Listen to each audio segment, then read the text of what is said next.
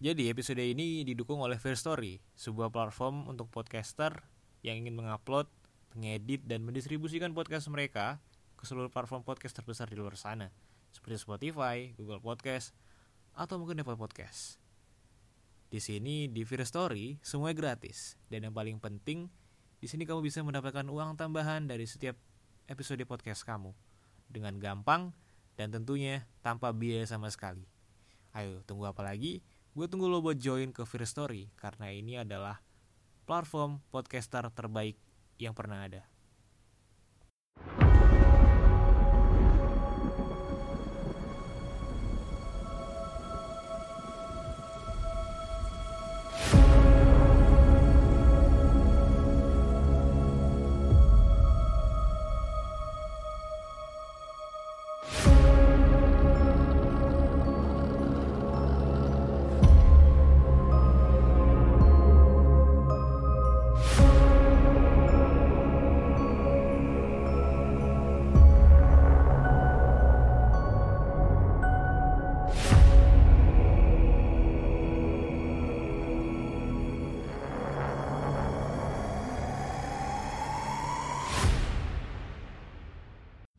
Ya, halo semuanya. Gimana kabar kalian teman-teman pendengar setia podcast dengerin horor dan pendengar baru podcast dengerin horor? Gue doain semoga teman-teman semuanya baik-baik aja. Baik itu jiwanya, raganya, maupun dompetnya. Ya. Oke. Okay? So, um, gue minta maaf banget karena seminggu belakangan ini atau dua minggu ini gue nggak ada upload sama sekali karena gue baru di Indonesia dan gue baru ngurusin something dan ya gue bakal upload episode hari ini dan terima kasih buat teman-teman yang sampai sekarang masih dengerin. Ya. kayak kayak format banget ya. Oke. Okay. Ini bakal singkat banget, so dengerin sampai habis. Dan tentunya ini uh, ceritanya dari Twitter pastinya ya. Dari mana lagi kalau dari Twitter gitu kan. Sumber terpercaya dan sumber terdahulu dari podcast dengerin horor. Ya, semenjak awal pendirian podcast ini, Twitter adalah platform pertama yang memberikan supply untuk cerita di podcast dengerin horor. Wih. So, tanpa basa-basi dan panjang lebar Malam ini gue bakal bawain cerita horor yang berjudul Rahasia Mbah Buyut yang ditulis oleh akun Twitter at my underscore hanami. Jadi cerita ini adalah tentang kejadian membingungkan bernuansa horor tentang sepasang kakek nenek penulis sendiri diadaptasi dari kisah nyata dengan sedikit penyesuaian dan sedikit penyesuaian agar mudah dipahami. Halo warga Twitter, udah lama Nuha nggak nulis horor. Sebenarnya banyak stok cerita tapi belum dapat feelnya. Nah, malam ini rasanya waktu yang tepat saya akan menceritakan pengalaman bersama Mbah Buyut Sepasang uyutku atau sebutanku untuk Mbah Buyut adalah orang yang meninggalkan kesan horor. Setidaknya begitu menurut Nuha kecil. Aku masih ingat bagaimana Uyut Putri hampir meninggal saat aku kelas 5 SD.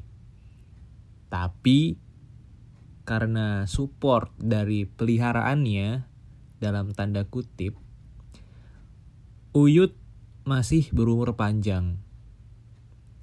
Bahkan sampai aku berumur 29 tahun. Ajaib ya. Tapi tunggu dulu. Cerita ini baru akan dimulai. Uyut Kakung adalah seorang yang cukup disegani daerah kami. Karena Uyut mantan seorang pejabat di masa kolonial. Padahal Uyut Kakung orang pribumi. Uyut kadang mengaku beragama Hindu, tapi dia tidak pernah pergi ke pura. Kadang pula beliau mengaku Islam, padahal sesembahannya bukan Tuhan. Uyut punya 8 orang anak. Nenekku adalah anak pertamanya. Nenek melahirkan ibuku. Adik nenek ada tujuh. Hal ini membuat nenek hidup mandiri sedari kecil hingga menikah dan hidup terpisah dari Uyut. Kemudian saat aku iseng bertanya kenapa nenek dan kakekku tidak tinggal di rumah besar Uyut, mereka menjawab bahwa Uyut punya banyak peliharaan dalam tanda kutip sampai membuat nenek tidak nyaman dan memilih hidup terpisah. Berdasarkan penuturan nenek, tiap malam tertentu uyut kakung melek wengi untuk tirakat. Melek wengi ini setahu gua uh, itu bahasa Jawa ya artinya bangun malam untuk tirakat, sholat tirakat. Kadang pula Uyut Putri mengitari rumah tanpa busana dengan rambut panjang yang terurai. Terlanjut. Tadi kadang pula Uyut Putri mengitari rumah tanpa busana dengan rambut panjang yang terurai.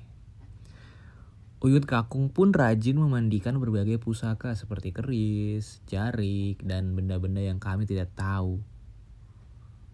Mereka punya kamar khusus untuk pemujaan terhadap sesembahannya. Entah apa itu. Anak-anaknya tidak ada yang diberitahu. Uyut Kakung adalah orang yang keras dan temperamen maka anak-anak tak mau ambil pusing mengenai hal itu. Sekian waktu berjalan, Uyut Kakung dan Uyut Putri masih melakoni ritual dan berbagai hal yang tidak wajar. Seperti menyembelih ayam cemani atau mengonsumsi didih atau darah beku yang konon katanya bisa membuat panjang umur. Entahlah. Kemudian ketika aku kelas 5 SD, kami para cucu dan cicit dikumpulkan karena Uyut Putri sakit keras. Kemudian di situasi itu aku melihat sendiri Uyut merintih sakit dan pamitan kepada kami seolah dia akan pergi selamanya. Tapi pada saat itu pula aku melihat Uyut, Uyut Kakung memberi minum air bunga tujuh rupa. Dan ajaibnya Uyut Putri kembali sehat, segar, dan menyeringai ke arah kami seolah yang kembali merasuki raga itu bukan sepenuhnya Uyut Putri. Kemudian hari itu berlalu begitu saja sampai akhirnya aku berumur 29 tahun dan sedang hamil anak pertama. Saat itu aku tinggal di ibu kota karena tugas. Ibuku dari kampung memberi kabar jika Uyut Putri kembali sakit keras. Aku pun hanya bereaksi seadanya karena teringat kejadian masa itu. Dalam hati aku, hmm, ah, paling nanti juga sembuh lagi setelah dijampi-jampi sama Uyut Kakung. Terus Ibu berkata kepada aku, mungkin sudah waktunya Uyut diambil. Mengulur waktu hanya membuat tersiksa jiwa raganya. Aku tertegun, benar juga ya. Soalnya umurnya udah mencapai 90 tahun. Ibuku menceritakan beberapa hal menarik sepeninggalan Uyut Putri. Siang itu, Ibuku baru pulang dari pasar dan hendak sholat zuhur saat mendapat kabar bahwa Uyut Putri meninggal. Kronologi meninggalnya Uyut disaksikan oleh anak bungsunya atau buleknya ibuku. Bulek berkata, Bulek berkata, saat itu dia baru dia baru saja menyuapi Uyut Putri makan siang. Cuaca saat itu mendung dan hampir hujan. Tangan Uyut Kakung gak lepas dari Uyut Putri. Hampir gak pernah Kakung pergi lama. Paling hanya sekedar ke kamar mandi. Kakung terlihat sangat sedih karena kondisi Uyut Putri yang makin lemah. Tapi tiap diajak ke rumah sakit selalu menolak. Uyut Kakung menggenggam tangan Uyut Putri sambil mengumamkan jampi-jampinya yang kami tak pernah tahu ah, apa itu doanya. Bukan doa dalam agama Islam maupun Hindu.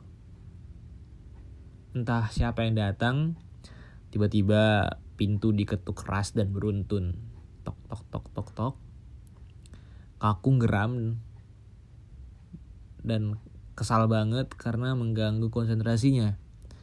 Kakung mencegah bule yang ter, yang berdiri hendak membuka pintu depan. Kakung berdiri melepas genggaman Uyut Putri. Bule memperhatikan Uyut Putri. Tiba-tiba Uyut seperti tercekik dan menghembuskan napas terakhirnya. Di depan pintu, Kakung menoleh kanan kiri karena tak ada siapa pun di teras. Lantas siapa yang mengetuk? Dari dalam kamar, bule berteriak innalillahi wa inna rojiun bapak ibu pun sedo spontan kakung berlari ke dalam rumah dan memeluk sambil menggoncang-goncangkan tubuh lemah Uyut Putri. Singkatnya, semua anak cucu terdekat mulai berdatangan termasuk ibuku. Mereka berdiskusi jam berapa Uyut akan dimakamkan dengan tata cara agama apa. Karena sebagian besar anak-anak Uyut beragama muslim, maka mereka sepakat untuk mem memakamkan Uyut dengan tata cara muslim. Namun di sini semua keluarga kaget karena Uyut Kakung membuat heboh dengan mengatakan bahwa dia akan menghidupkan kembali Uyut Putri. Uyut Kakung nampak sangat terpukul kehilangan istrinya dia berteriak dan mengunci kamar tempat jenazah Uyut Putri. Kakung memohon agar anak-anaknya memberi waktu untuk menghidupkan kembali Uyut Putri. Nek, ngasih sesok. Eh, gimana sih? Ini bahasa Jawa ya. Gini gini, gini sabar-sabar. Nek ngasih sesok durung urip maneh, aku ikhlas. Ibumu dikubur kata Kakung. Yang kurang lebih artinya kalau misalnya besok belum belum bangun juga, aku ikhlas. Mama kamu dikubur. Kata Kakung tadi. Nah, segini aja udah serem banget buat kami anak cucunya. Kakung melakukan segala cara untuk mengembalikan istrinya Aku hanya memantau perkembangan dari luar kota karena aku sedang hamil besar saat itu. Sehari semalam, Kakung melakukan banyak ritual aneh. Kakung menyembeli ayam cemani dan meraupkan darahnya ke tangan dan kaki jenazah Uyut Putri. Kemudian membasuhnya dengan air kelapa hijau. Kami perhatiin sekali melihat Kakung berbuat seperti itu. Rasa cintanya kepada Uyut Putri membuatnya rela berbuat apa pun. Kami tak mampu mencegah karena Kakung membentak siapa pun yang menghalanginya. Malam itu saudara dan kerabat hadir melayat salah satunya adalah Mbak Erna. Dia adalah menantu cucu. Mbak Erna ini menikah dengan Mas Dodo, cucu Uyut. Mbak Erna ini pen, Mbak Erna ini peka dengan hal mistis. Selama berada di rumah Uyut, Mbak Erna ini tidak mau masuk ke dalam dan melihat jenazah Uyut Putri karena menurut penglihatannya rumah itu dikelilingi makhluk tinggi besar bertanduk. Makhluk itu tersebar di sudut rumah dan makhluk itu seolah tahu bahwa Mbak Erna bisa melihatnya. Saking takutnya, Mbak Erna pulang malam itu juga tanpa menginap. Malam itu semua anak cucu berkumpul dan kembali berdiskusi mengenai tata, cara pemakaman Uyut Putri. Karena ternyata Uyut Putri sudah menyimpan peti mati untuk kematiannya sendiri. Peti ini tersimpan di dalam kamar khusus yang hanya boleh dimasuki Uyut Kakung. Kami bingung apakah Uyut berkeinginan dimakamkan dengan tata cara agama Hindu atau tata cara agama Islam. Karena menurut penuturan bule, peti itu sudah simpan 2 tahun lamanya di dalam kamar. Akhirnya keluarga sepakat untuk tetap memakamkan dengan tata cara Islam, tapi tetap menggunakan peti jadi peti hanya digunakan sebagai pengganti keranda jenazah. Pagi hari tetangga sudah berkumpul untuk gotong royong membantu pemakaman. Saat itu Kakung menyerah dan mengizinkan jenazah Uyut untuk dimandikan dan dikafani. Proses ini berlangsung lancar dan akhirnya peti mati yang tersimpan selama dua tahun itu terpakai oleh pemiliknya. Proses pemakaman berjalan lancar namun Kakung berulah lagi Beliau bilang peti ini tidak boleh dikuburkan. Peti ini harus dibawa pulang dan disimpan lagi untuk hari kematiannya. Waduh. Berarti guys, ini ada cerita selanjutnya. Tapi sayang sekali, di treat ini tidak ada kelanjutannya. Waduh. Gila ya. Walaupun singkat tapi udah nyaplok banget dah. Nyaplok kayak nyantol gitu di pikiran gue soalnya kata-kata terakhir lagi nih peti ini harus dibawa pulang dan disimpan lagi untuk hari kematiannya. Sementara ini udah dikubur bro. Gitu kan. Kayak logika aja gitu. Berarti ada something nih antara kakung dengan Uyut Putri but ya. Yeah ini treatnya udah selesai. We can't do anything. So I guess it's over. Itu aja buat episode kali ini teman-teman. Gue Iksan sampai jumpa lagi di episode berikutnya. Kalau kalian suka dengan podcast ini atau dengan episode ini gue sangat terima kasih untuk sharenya dan follow-nya. Dah? Oke. Okay.